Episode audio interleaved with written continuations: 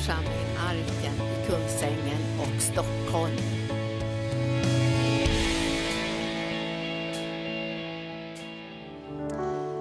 Halleluja, tack för denna underbara lovsång, denna minnesdag för Jesu Kristi uppståndelse ifrån de döda. Vilken dag! Jag har nästan lust att ropa igen. Nu alla ni som ser oss via internet och TV, ni ska känna er väldigt, väldigt välkomnade idag och bara vara i den här smörjelsen. Jag har mycket, många gånger tänkt på de här, nu, ska jag, nu, nu är det bara inledning nu så jag säger de här orden. Det står ju i Bibeln så här, från härlighet till härlighet. Och från kraft till kraft. Och så står det från tro till tro. Och jag har tänkt mycket på det där när man kommer till de där punkterna, när man gör den där förändringen. Alltså när man går från en härlighet till den andra härligheten och från en kraft till en annan kraft. Och från en tro till en annan tro. Jag har ju sett, ibland när man möter människor i världen som inte har någon tro på Gud, så talar man ju väldigt mycket nu om att man går i väggen. Och det finns ju väldigt många anledningar till att människor går i väggen, så det ska jag inte fördjupa mig på. Men en av anledningarna är att man har gått i egen kraft. Alltså man har kommit till en punkt där den egna kraften inte räcker längre. Men du och jag, vi är fyllda av den heliga Ande. Men vi kommer också till de här platserna nu vill jag att ni ska känna igen det här. När ni kommer till de här platserna, och man kommer tusentals gånger. Jag kan säga, jag tänkte på mitt liv tillbaka 40 år, så tänkte jag, tusentals gånger har jag kommit till en plats i mitt liv där jag har känt att det har tagit stopp. Tusentals gånger.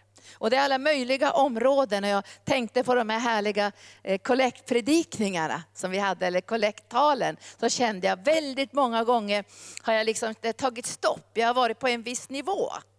Nu har det tagit stopp där. Och, och då måste jag veta, hur gör jag nu? När det tar stopp, jag vet att du har känt det säkert många, många gånger inom olika områden. Det kan också vara uthållighet i tjänsten, det kan vara alla möjliga områden. Så kan det kännas att det tar ett stopp. Och då ska man, när, man, när det tar ett stopp ska man titta upp. Det här är jätteviktigt. När det tar ett stopp, då ska man titta upp. För då vet man så här att nu är det ett skifte. Då är det ett skifte. Då ska jag till nästa nivå av tro. Och det är mängder med gånger som jag genom åren, det har tagit stopp på en viss nivå givande. Kanske man har gett 50 kronor, 100 kronor, 200 kronor, 300 kronor och så tar det liksom stopp. Därför att det naturliga säger stopp. Har ni upplevt det? Alltså man tänker efter, det här funkar inte, jag har inte pengar så det räcker, nu måste jag tänka. Och så tar det stopp. Alltså det har hänt mig i det ekonomiska säkert flera tusen gånger. Därför jag ska jag tro för arken också. Inte bara för mitt eget liv. Men när det tar stopp så där så vet jag att när det tar stopp, då får inte jag tänka så nu står jag framför en dörr, nu står det stängt för mig och nu kommer jag inte längre. Då tittar jag upp. Och så tänker jag så här, nu går jag till nästa nivå av tro. Nu går jag till nästa nivå av härlighet. Nu går jag till nästa nivå av kraft. Det kan till och med ske när man är utomlands. Så nu när Göran och jag och, och, och Charlotte och Joel var i Indien och Nepal, så tog det stopp flera gånger för det var så otroligt varmt. Det var 38 grader. Varmt. Och det var långa möten. Och jag kommer ihåg särskilt ett möte så hade vi åkt ganska långt upp, nästan till gränsen till Bangladesh och Göran hade kört jättebra. Det tog många timmar. Och när vi kom fram så, så, så tänkte jag så här, Ja, hoppas vi inte behöver bli individuellt för alla, för det var flera hundra människor, det är säkert 400 människor och sånt där i mötet. Och jag tänkte så här, ja, jag, jag, tror jag sträcker ut min hand och så ber jag för alla en kollektiv bön, tänkte jag. Och så åker vi tillbaka snabbt så jag hinner vila mig lite till vi ska åka hem med flyget. Och så stod jag där inför alla de här människorna och så kände jag så här, det bara tog stopp. Jag kände, nej men jag orkar inte be för alla. Och, och så kände jag så här, det tog stopp, men så tänkte jag, nej men nu ska jag göra som jag, som jag undervisar mig själv många gånger. Jag tittar upp. Och så såg jag Jesu hjärta hjärta och så såg jag en nivå av kraft. Och så visste jag att de här människorna skulle aldrig acceptera att vi bad en kollektiv bön, jag lovar er. De kastade sig på oss. Göran, kommer du ihåg det? De kastade sig, de låg på mina fötter. Och Joels fötter och Görans fötter. Och alla skulle röra vid oss och alla skulle ha handpåläggning individuellt. Visst höll jag sanning här? Och då, då var vi ganska trötta, eller hur? Då hade du kört många timmar. Men, men då tänkte jag, nej men nu ser jag upp. Och plötsligt så kom det bara en våg av förnyelse och kraft.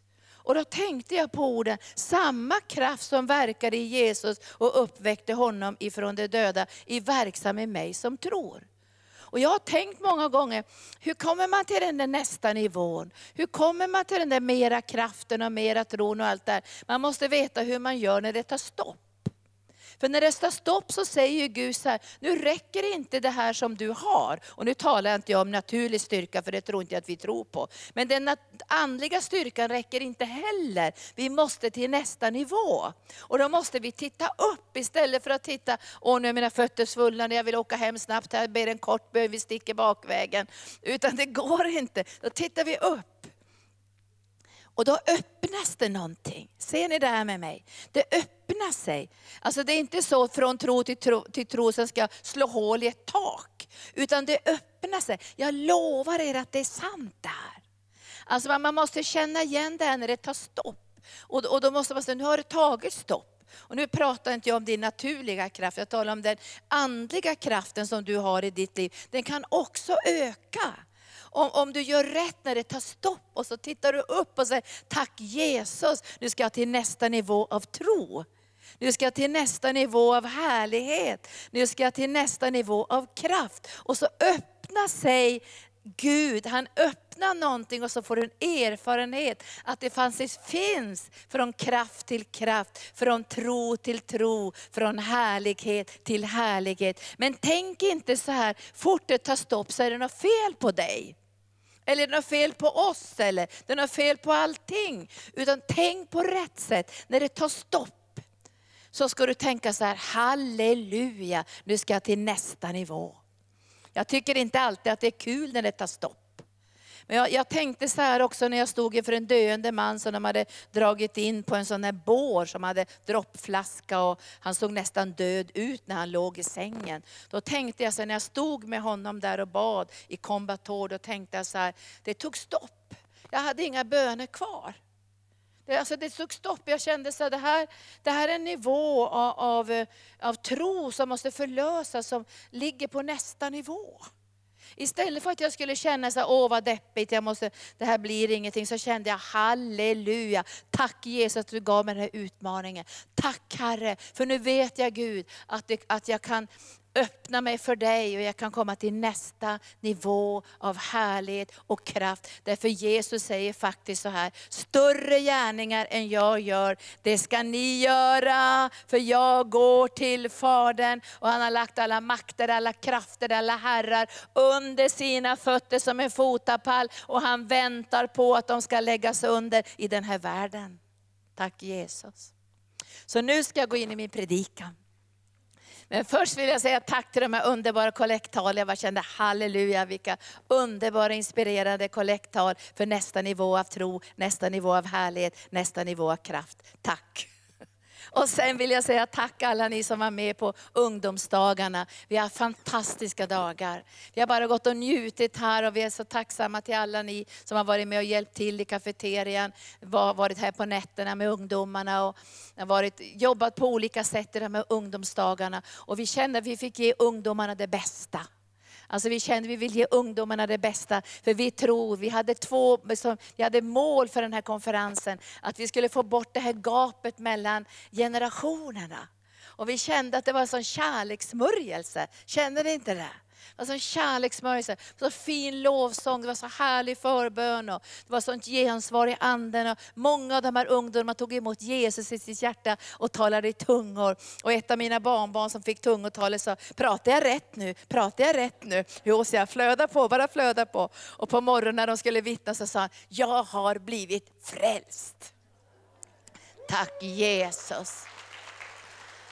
Och första kvällen när vi hade, när vi hade Sebbe Stax här, då var det 38 stycken som vi fick sådana här lappar på. Men den minsta var fem år som kom med sin lilla bibel. Och inbjudan till ungdomsgård. Hon hade lagt upp båda händerna och ville bli frälst. Så det går att bli frälst hur gammal man än är, så, därför att det är Guds gåva den här frälsningen. Och det allra bästa är att få bli frälst när man är liten. Jag tyckte Sebbes vittnesbörd var fantastiskt, men alla behöver inte vara knarkare och kriminella för att ha ett vittnesbörd. Ibland känner jag så här, det bästa vittnesbördet någonsin är att kunna säga, jag tog emot Jesus när jag var tre, fyra, fem år och jag har följt honom sedan dess. Men jag tror alla vittnesbörd är lika viktiga. Men man får inte känna så att man måste ha ett jättehemskt vittnesbörd om det förflutna för att det liksom ska vara häftigt. Jag tror alla vittnesbörd behövs och alla vittnesbörd är viktiga. Och vi ska ge våra vittnesbörd med väldig övertygelse och, och kärlek till Jesus. För våra vittnesbörd är ett nät som vi kastar ut. Halleluja. Uppståndelsen är centrum i kristendomen. Ja, jag eh, läste nu om en präst som skulle en av mina gamla kollegor som skulle kallas in på förhör därför att han hade uttryckt någonting om att han tyckte det var ganska jobbigt att det var många präster som inte trodde på uppståndelsen något längre. Och vi vet ju inte om, om alla egentligen tror på uppståndelsen. Men kyrkans bekännelseskrifter är ju att han uppstod på tredje dagen. Och hade inte Jesus uppstått på tredje dagen, då hade vi inget bevis på att han talade sanning. För det var ju Jesus som sa gång på gång, jag ska lida, jag ska uppstå på tredje dagen. Så det här var själva beviset på att Jesus var Messias och att han talade sanning. Och till lärjungarna på förklaringsberget så sa han till dem, berätta inte om det här som ni har sett förrän jag har uppstått ifrån de döda. Men vid flera tillfällen samlade han lärjungarna och sa att jag måste lida och jag måste dö för profetiska orden skulle uppfyllas. Så uppståndelsen är central. Och när vi läser apostlagärningarna så predikar man hela tiden, gång på gång på gång, Jesus uppstod ifrån de döda och han lever idag. Alltså Jesus lever idag. Han är inte död, han lever. Och han har lovat att samverka med oss. Han ska vara med oss alla dagar in till tidens ände. Så när vi får den stora missionsbefallningen att gå ut i hela världen, så går vi inte ensamma. Han är med oss. Eller vad säger du Abeba? Var han med dig? Det var under och tecken va? Visst var det det? Du kände han var med dig. Du stod inte där på plattformen och undrade, var är han? Han var med dig, visst var det så? Och när du sträckte ut din hand och bad för människor, då var det inte Abebas hand, då kände du, Jesus är här. Och så skedde under och tecken. Visst var det så? Jesus var där. Alltså uppståndelsen ifrån de döda. Och så tänker vi alla när vi vittnar, när vi predikar. Ibland för en, ibland för två, ibland för tiotusen, ibland för hundratusen. Så är det Jesus som är där och samverkar med sin ande och stadfäster ordet med under och tecken. Så själva uppståndelsen är beviset på att Jesus talar sanning. Och det står i Romarbrevet kapitel 1. Därför om inte Jesus har uppstått så är vår, vår predikan meningslös. Det är totalt meningslöst. Jag menar det är lika bra vi bara stänger, vi stänger dörren och går. Det är totalt meningslöst att predika en massa saker kristendom om inte Jesus har uppstått. Då blir det bara morallära, det blir bara filosofi, det blir bara religion. Jesus har uppstått ifrån de döda. Och har han inte uppstått så är vår predikan meningslös och vår tro är meningslös. Det är totalt meningslöst att tro, därför vi är fortfarande kvar i våra synder. Men nu har Jesus Kristus uppstått som den förstfödde. För att vi alla som tror på honom ska uppstå ifrån de döda och få evigt liv. Jag läser ifrån Romarbrevet kapitel 1, i tredje versen. Evangeliet handlar om hans son som till sin mänskliga natur är född av Davids ett och som genom helighetens ande med kraft har bevisats vara Guds son efter uppståndelsen från de döda. Jesus Kristus vår Herre. Genom honom har vi fått nåd och apostlaämbete för att föra människor av alla folk till trons lydnad för hans namns skull. Genom uppståndelsen ifrån de döda får vi beviset. Och det står i första Korinthierbrevet kapitel 15 att han visade sig för mer än 500 människor. Och så visade han sig för alla apostlarna. Och sen står det att han till sist visade sig också för Paulus. Och så visade han sig också för oss genom den helige Ande. Men de fick se Jesus fysiskt sett. Alltså de fick se honom uppstånden med sin kropp. Men hans kropp var ju på något sätt förhärligad, för att han kunde ju gå genom väggar. Men det står ju också att han hade kvar sårmärkena. Och han säger, jag är ingen ande. Han åt tillsammans med lärjungarna. Så på något sätt får du och jag genom Jesu uppståndelse se någonting av det som vi kommer att få uppleva när vi har sått våra kroppar en dag. Då kommer vi uppstå i härlighet. Vi sår en jordisk kropp och vi uppstår i en härlighetskropp. Men de kände ju igen Jesus, även om han på något sätt var annorlunda, så kände de igen honom. Men han hade en fysisk kropp och han kunde äta och han kunde dricka och han hade omsorg om sina lärjungar. Men han kunde bara uppenbara sig. Men när han bröt brödet, då kände de igen honom. Och därför vet vi också att en dag när vi alla kommer att mötas, så kommer vi att känna igen varandra. Visst blir det härligt? Vilken fest! Vilken fest! Genom Jesu uppståndelse så fick vi beviset, sigillet. Och det är bara genom Jesu uppståndelse och himmelsfärd som anden kan utgjutas in i den här världen. För när, när Maria tar tag i, vill börja tillbe Jesus så säger han så här, rör inte vi med än, för jag måste till himlen. För han skulle ge sitt blod i det tabernakel som inte är byggt med människohänder, för att försoningen ska kunna ske. Och när försoningen har skett, då kan också anden utgjutas. Alltså blodet måste bäras in i det allra heligaste, i den himmelska världen. Sen är det tid för anden att utgjutas ut över den här världen. Och så blir det församlingens födelsedag på pingsten. Visst är det fantastiskt? Alltså då föds församlingen i eld då föds församlingen. Och när, när Jesus säger kom till mig och drick så står det, han säger det om anden. Men anden är ännu inte utgjuten, därför Jesus är ännu inte förhärligad. Det står i Johannes evangelium kapitel 7. Men nu vet vi att Jesus är förhärligad, sitter på Faderns högra sida och han ber för oss. Och han har ett bönetjänst för att hans vilja ska ske, inte bara i himlen utan också på jorden. Jesus måste besegra döden. Därför genom syndafallet kom döden in i den här världen. Och död betyder skilsmässa eller separation. Det är det som död betyder. När Adam och Eva syndade så föll de inte ner och dog fysiskt. Men de dog på insidan. De dog i sin relation med Gud. Och vi hörde pastor Gunnar predika på långfredagen om att paradiset stängdes. Änglarna stod med dragna svärd. Adam och Eva förlorade härligheten ifrån Gud. Och döden kom in i den här världen. Och till och med skapelsen gjorde motstånd mot Adam och Eva. Det står att tistel och törnen Alltså det blev ett motstånd i hela skapelsen. För allt sammans kom in under döden, under förgängelsen. Död är ingenting naturligt. Jag märker nu människor prata om döden som någonting väldigt naturligt. Döden är ingenting naturligt. Bibeln talar om döden som en fiende. Och den sista fienden, döden, ska kastas i den brinnande eldsjön. För död betyder separation och Gud hatar separation. Han vill ha gemenskap. Och Adam och Eva hamnade ju in i kylan och fick lära sig att göra upp eld.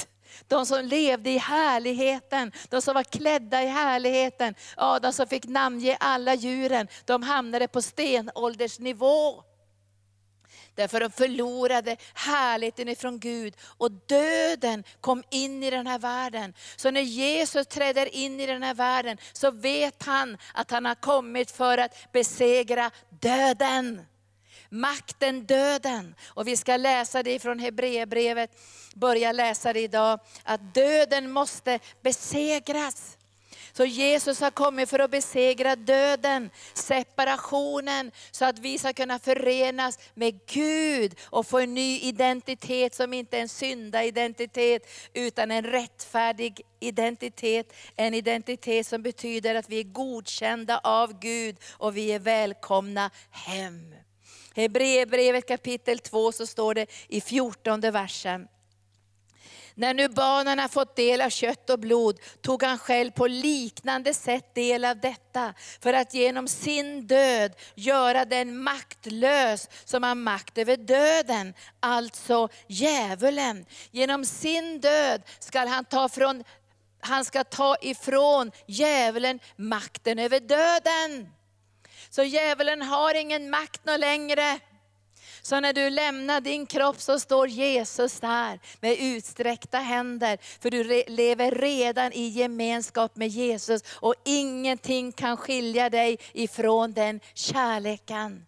Därför han har smakat döden i ditt ställe. Det är därför vi går ner i den här dopkraven.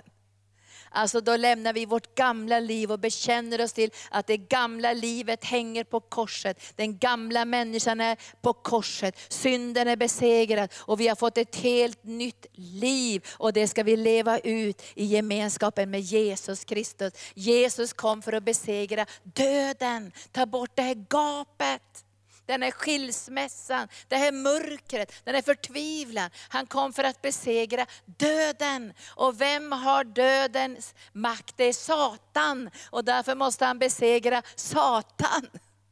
Han besegrar Satan. Han tar ifrån Satan all hans makt. Och Satans makt är ju anklagelsen. Men Bibeln säger så finns det ingen anklagelse längre för de som är i Jesus Kristus. För livets andes lag har gjort oss fria ifrån synden och dödens lag.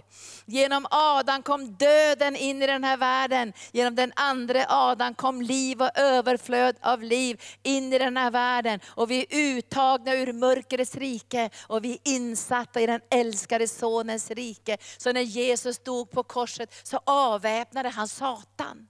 Har ni läst i Kolosserbrevet? Han avväpnade Satan, han klädde av honom. Han blev till skam när Jesus triumferade över honom och spikade fast hela skuldbrevet spikade fast skuldbrevet och längst ner på skuldbrevet står det med Jesu Kristi blod betalt. Så det finns ingen anklagelse för dig som är i Jesus Kristus. För han har gjort dig fri från synden och dödens lag. Det var därför Jesus kom in i den här världen, för att besegra döden. Döden är en fiende till livet.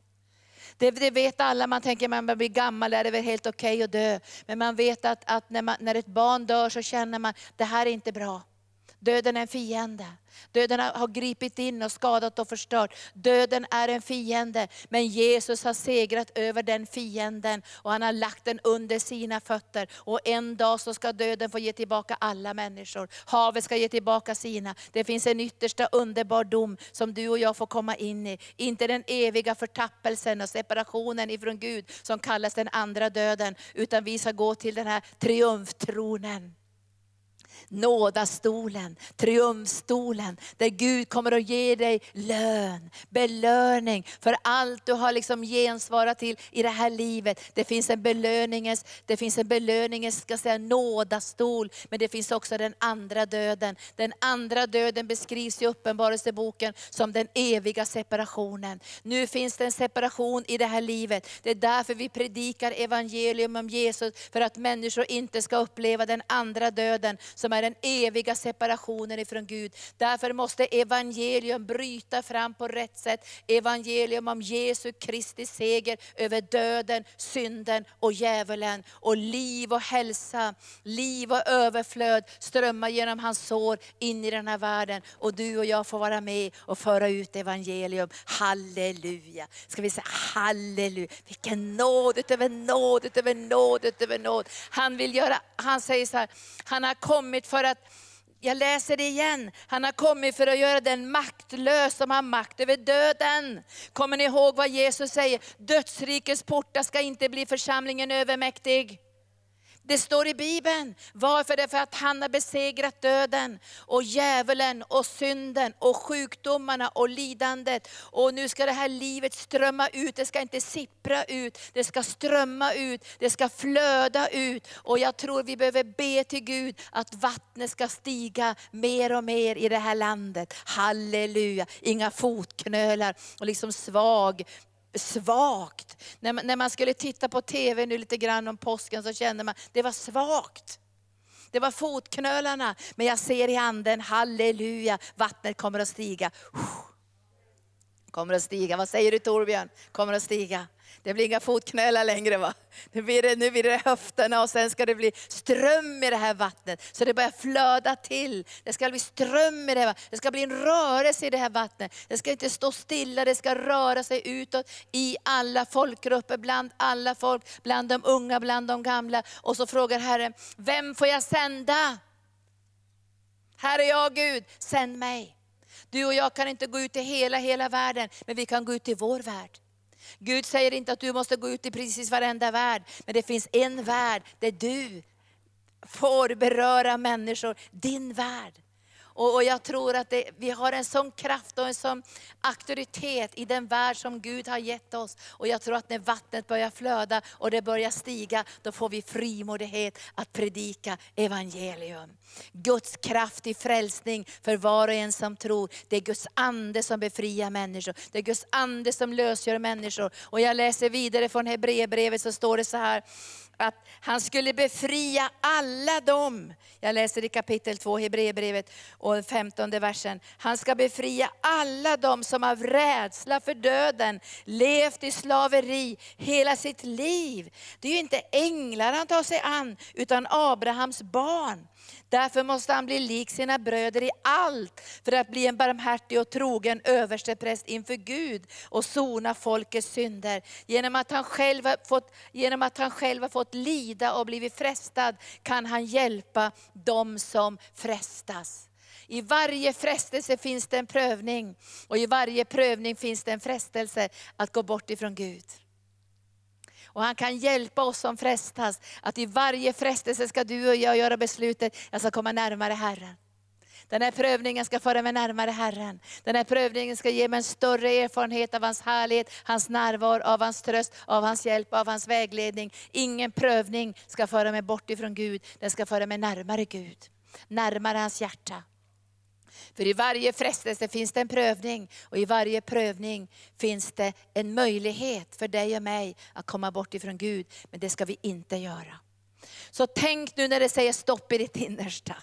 Tänk så här, tack Jesus, nu är det nästa härlighet. Nu vidgar jag mitt hjärta för att ta emot mer ifrån dig. Nu vet jag här att den här kraften jag har nu, det räcker inte. Den här tron som jag har nu, Gud, det räcker inte. Det, det, här, det, det räcker inte just nu, men jag tänker inte fördöma mig själv. Jag tänker titta uppåt och jag tänker öppna upp för mera kraft, mera tro och mera härlighet. För det står i Bibeln, från tro till tro, från kraft till kraft och från härlighet till härlighet. Och jag har då en längtan i mitt hjärta. Jag vill ha mera Guds härlighet, vill du det? Alltså jag är sån där, jag, blir så, jag älskar Guds härlighet. Alltså jag älskar Guds härlighet. Och därför älskar jag lovsång. Jag tycker det är så underbart när härligheten kommer och man känner den här atmosfären. Jag tyckte det var så gott att lyssna på Amris när han talade om atmosfären. Den här atmosfären där vi känner oss hemma i. Där det är som en Guds närvaro, Guds tillbedjan, härlighet. Vi ska ha mera den atmosfären. Och sen ska vi ha den här rymddräkten på oss. Kommer ni ihåg när Amrise sa det? Alltså vi har atmosfären med oss.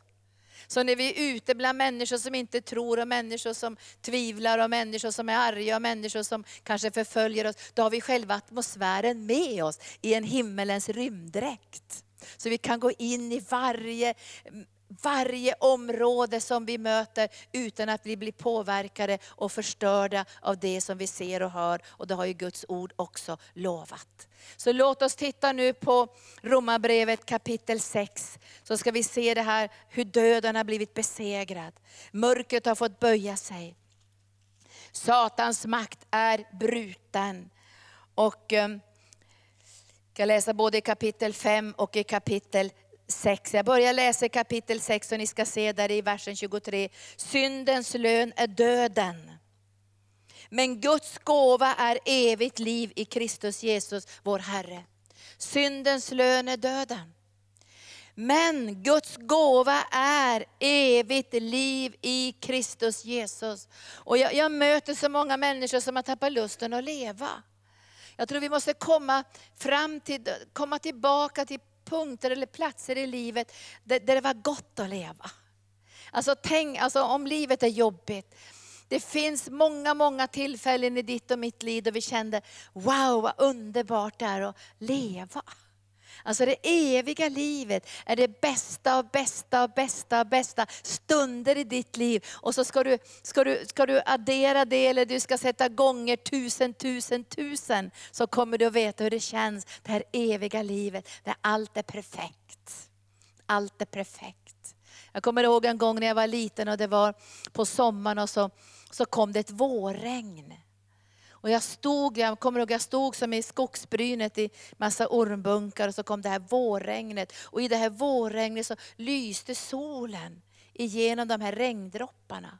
Och så tänkte jag så här, jag fick en sån känsla. Jag, vet inte, jag inte, var inte kristen än, men jag fick en sån känsla av, av härlighet. Av att det var så vackert, att det var så underbart, att det var så skönt. Och ibland går jag tillbaka till den där känslan och så tänker jag, tusen gånger, tusen gånger, tusen gånger kommer det eviga livet att kännas, där det bryter fram. Både här i livet och i evigheten. Guds gåva är evigt liv. Och så står det i kapitel 5, 12 eh, versen, genom en enda människa kom synden in i världen och genom synden döden. På så sätt nådde döden alla människor eftersom alla hade syndat. Synd fanns inte i världen före lagen, men synd tillräknas inte där ingen lag fanns. Ändå regerade döden från Adam till Mose också över dem som inte hade syndat genom en överträdelse som Adams. 15 versen. Men syndafallet kan inte jämföras med nåden. För att om de många dog genom en endas fall, så har Guds nåd och gåva så mycket mer överflödat till de många genom en enda människas nåd, Jesu Kristi nåd. Inte heller kan gåvan jämföras med det som kom genom en enda synd. Domen kom genom en enda och ledde till fördömelse, men gåvan kom till de mångas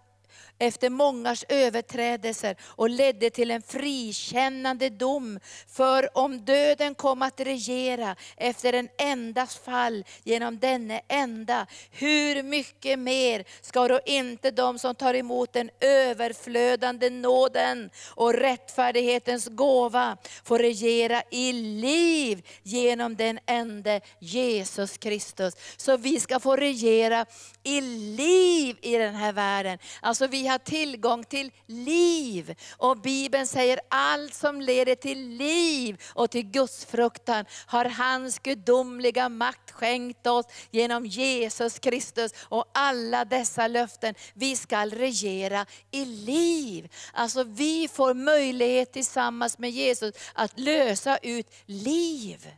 Är inte det härligt? Och ibland står man där som jag gjorde inför den här nästan döda unga mannen och tänkte, jag regerar i liv. Men jag måste ha mer av den heliga Ande. Och jag kände Gud, nu står jag här och det tar stopp. Men jag vet Herre, att när det tar stopp så vet jag att det tar stopp för mig. Men det tar inte stopp för dig. För det är från härlighet till härlighet, från kraft till kraft och från tro till tro. Och jag bara lyfte min blick och jag kände halleluja, större gärningar än, än Jesus gjorde ska vi få göra. Och vi kommer till högre höjder av kraft och härlighet och liv. Och vi kommer att förlösa den härligheten in i den här världen. För vi ska regera i liv.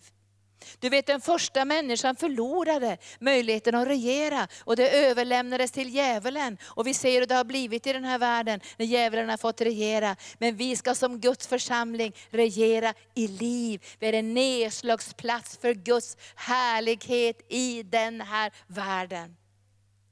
Och nu ska jag avsluta bara med att föra dig till första Korintierbrevet kapitel 15. Läs det, det handlar om uppståndelsen. Fantastisk, underbar bibeltext. Du kan läsa de här texterna, det är väldigt många så att säga, eh, saker man kan läsa här, men det står om Jesu uppståndelse. Och jag läser ifrån vers 42. Så är det också med de dödas uppståndelse. Det som blir sått förgängligt uppstår i oförgänglighet. Det som blir sått i ringhet uppstår i härlighet. Och det som är sått i svaghet uppstår i kraft. Det sås en jordisk kropp och det uppstår en andlig kropp. Och sen står det så här i den 49 versen, och liksom vi har burit den jordiska människans bild, ska vi också bära den himmelska människans bild. Och så säger han i den 15, 51 versen, se jag säger er en hemlighet, vi ska inte alla insomna, men vi ska alla förvandlas i ett nu, på ett ögonblick, vid den sista basunens ljud. Basunen ska ljuda och de döda ska uppstå till odödlighet och vi ska förvandlas. Detta förgängliga måste iklädas i oförgänglighet och dessa, detta dödliga måste kläs i odödlighet. Kristus här uppstår uppstånden. Ja, han är sannerligen uppstånden. Och det är uppståndelsekraften som du och jag får regera tillsammans med honom. I och genom församlingen ska Guds härlighet i all dess mångfald, i all dess härlighet bli förkunnad för andevärlden, men också för människor som lever i den här tiden. Vilken förmån det är för oss att få tjäna den levande Guden. Lovsångare, kom upp. Tack Jesus, tack Jesus. Han ska lösgöra oss alla som har fruktan för döden, har levt i slaveri. Och Paulus säger så här, om inte jag tror på uppståndelsen ifrån de döda, då är jag som alla möjliga vanliga människor. Då äter vi och dricker för snart ska vi dö. Då lever vi bara för stunden. Men du och jag har evigheten i sikte. Vi har evighetens härlighet i sikte. Det är därför som vi lever på ett annorlunda sätt. Det är därför som vi gör andra prioriteringar. Det är därför som vi sträcker oss framåt. Och Paulus säger så här, jag sträcker mig framåt. Jag har inte nått ända fram, men jag sträcker mig framåt. För jag vill dela hans lidande för att också få dela hans uppståndelse. Och jag har blicken på lönen. Det kommer en dag vänner, när du och jag får stå vid den här välsignelsetronen och Herren kommer att säga, kom in i min glädje. Och du kommer att få uppleva vad det eviga livet egentligen innebär. Fullkomliga känslor. Alltså allting är fullkomligt underbart och härligt. Liv och överflöd av liv. Men jag tror att redan här i tiden, redan härifrån församlingen, från ditt och mitt liv, ska det här livet flöda ut bland människor. Och jag tänkte på det när Göran och jag och Joel var där vid Bangladeshgränsen och bad för de här hundratals människorna. Då kände vi så här, tänk om vi får vara med att påverka tusentals människors liv, som i sin tur påverkar tusentals människor. Kanske du inte påverkar kanske mer än, vi säger 5 000, 20 000 under din livsstil. Men när du kommer till härlighetstronen så kommer du att möta kanske hundratusentals människor som kommer att säga, du var var starten på allt det här. Och så säger du, men jag vittnar ju bara för min granne där på, på vad heter de här vägarna där borta? Ja, Korpstigen. Jag stod där på Korpstigen och predikade om Jesus. Och jag tyckte jag nådde bara tre, fyra stycken. Men när du kommer i evigheten, kanske hundratusentals människor säger, det började vid Korpstigen. Och så tänker du, vilken, vilken tur att jag vittnade. Och det kändes ju inte ens bra när jag vittnade. Bry dig inte om hur det känns, evangelium. Ibland så reagerar människor med vrede och allt, de blir motståndare. Jag brukar säga, de som reagerar mest, de är ofta mest sökta av Gud. Halleluja. Tack Jesus, ditt liv har betydelse. Dina gåvor, dina beslut, din överlåtelse, din kärlek till Jesus, din kärlek till församlingen. Och i morse vaknade jag med det här, låt er uppbyggas som levande stenar till ett heligt tempel. Låt er uppbyggas. Och ibland känner vi det där, det tar stopp. Har ni känt så? Det tar stopp. Alltså man säger, jag orkar inte be för de här, jag orkar inte hålla på så länge, och, jag vill inte. Jag, jag tror jag gör, det har bara hänt mig en gång riktigt, på riktigt sådär. Det tog riktigt stopp och då visste jag inte det här. Det var många år sedan, jag var i Danmark. Och jag, jag fick sån jag fick sån modlöshet. Att jag, jag orkar inte be för flera hundra ikväll igen. Alltså jag gick det på kullerstensgatorna och jag kände, åh, ska jag ha tre möten idag? Och så kände jag så här, jag tror jag lägger mig på playan istället. Och så tänkte jag, nej men vad är det jag känner och tänker? Det tog stopp. Då tänkte jag, halleluja. Jag kommer, ihåg, jag, kommer, jag kommer ihåg den, men det var en jobbig situation. Kommer ihåg det, när jag sa till Herren, nu, nu tog det stopp här Herre. Det tog stopp. Jag har inte lust med det här längre. Men halleluja. Jag kommer ihåg den kvällen. Jag, gjorde, jag förstod inte det på samma sätt då, men jag gjorde en överlåtelse till Herren. Och jag kommer ihåg när jag var där i Danmark, i den här församlingen, hur Guds ande kom i våg efter våg efter våg. Och jag kommer att jag grät efteråt och sa, jag är så tacksam Gud att jag får tjäna dig. Och jag vet att du aldrig sviker. Det finns kraft som flödar i den heliga Ande. Så om det har tagit stopp någonstans, kanske i ditt givande, evangelisation, jag vet inte. Så kan det vara bara ett tecken på halleluja, nästa nivå. Nästa nivå. Visst vill du det? Nästa nivå. Du kanske känner så här, men jag har aldrig gett 500 kronor. Vet du, jag trodde Gunnar var, var jag var helt chockad när Gunnar gav 1000 kronor, vet du det? När jag mötte honom innan vi var gifta skulle jag själavårda Gunnar. Jag var ju diakonissa i Göteborg, så det var ju bara en präst. Det var, det var så vi träffades början på 80-talet. Så jag, jag, gick till Gunnar och skulle få lite själavård för det var jobbigt i kyrkan. Och, och, så satt jag bredvid Gunnar och i kyrkan gav man väl kanske fem, högst fem spänn. I, jag vet inte om man gav ens det. Alla gav väl någon krona här och där. Så satt jag bredvid Gunnar och så tittade jag, ska jag se vad han ger. Och så gav han tusen kronor. Jag var chockad. Jag var helt chockad. Jag var helt chockad. Och vi var, vi var flera stycken på det där mötet, det var olika ledare som var i Amerika där jättelänge sedan. Och då sa förkunnaren så här, nu ska vi ta upp kollekt. Och så hoppade alla fem, sex tusen upp och skrek och ropade och jublade. Jag tänkte, alltså jag tänkte de här är, de här är knäppa.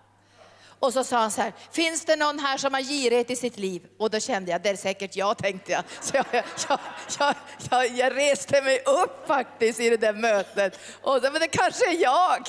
Ja, det var ju bara knäppt alltsammans. Och så tittade jag på Gunnar som gav tusen kronor. Jag hade aldrig i mitt liv gett tusen kronor. Jag hade aldrig gjort det. Jag hade knappt tusen kronor. Fick ju låna på banken för att åka till det där Amerikagrejset och äta någon halv hamburgare här och där. Nej, jag hade ju inga pengar. Så där är tusen kronor. Men idag vet ju jag att det finns en nivå till och en nivå till och en nivå till av Guds härlighet. Där du får erfarenheter av andra dimensioner i den heliga Ande. Så ta inte det här negativt nu, nu tog det stopp. Så du tolkar så här, ah, nu sticker jag, nu vill jag inte tjäna något mer, nu har jag ingen lust mer, det är fel på alla andra. Ta det inte så. Därför jag ser varenda gång det här sker i människors liv så verkar mörkret. För att vi, vi ska inte klara av den här prövningen. Men vi ska in i den här härlighets... Mer och mer av Guds kraft och få erfarenhet av han är trofast. Och är du nu här idag som känner att det har tagit, inte kanske jättestopp, men pyttelite stopp då ett litet, litet stopp. Då, då ska du bara titta uppåt nu så ska du få bara se hur det bara rinner från himlen. Det rinner från himlen. Och jag bara tackar dig Herre för den här underbara dagen. Att du har besegrat döden. Och alla som är rädda för döden, som är slavar under döden. Som är rädda för att dö och rädda för att lämna saker till dig. Vi vet Herre att du har förenat oss med Fadern genom ditt blod. Och därför har du gjort oss fria från döden och syndens och djävulens makt. Hur vi ska kunna tjäna dig utan fruktan, utan fruktan i den här världen. Och jag vet här att ibland tar det stopp på insidan, mer eller mindre stopp. Och vi känner att det, till och med att att vår egen kraft och det, vi tycker också att den kraft som vi har tillsammans med dig har tagit slut. Men då lyfter vi blicken Herre. För från himlen flödar det liv och överflöd av liv. Och vi vet Herre att himlen är öppen och den kommer aldrig någonsin att stängas. Och vi vet Herre att var och en av oss som finns här idag, som ser oss via internet, vi ska komma till nästa nivå av härlighet, nästa nivå av tro, nästa nivå av kraft. För att kunna ta emot det som du har kallat oss till. Det klarar vi inte av Herre i vårt eget. Du vet det Jesus att vi klarar inte av det. Det går inte Herre. Men när vi får kraften från dig, då kommer vi vidare som församling, som individer, som hemgrupper, som evangelister, som ungdomsledare, som predikanter, som missionärer. Och vi vet Herre, din kraft sinar aldrig och du sover inte.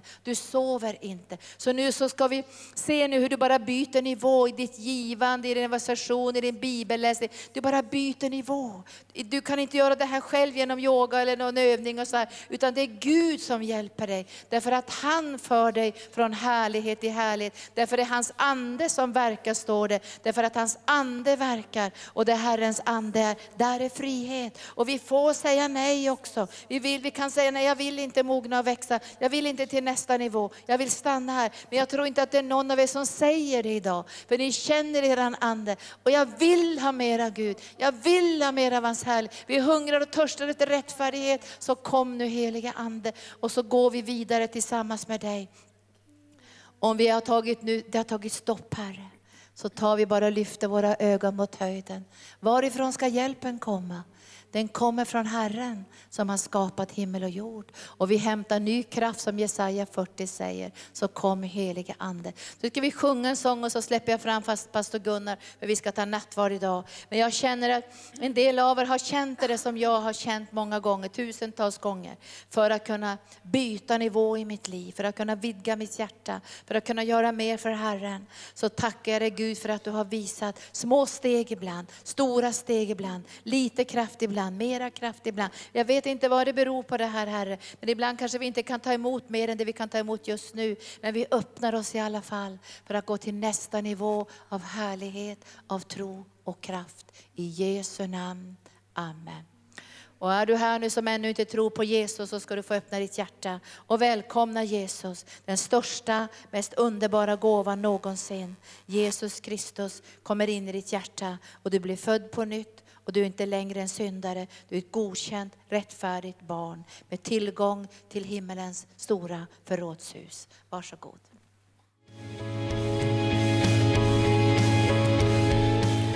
Tack för att du har lyssnat. Vill du få del av mer information om församlingen Arken, vår helande tjänst, bibelskola och övriga arbete, gå in på www.arken.org.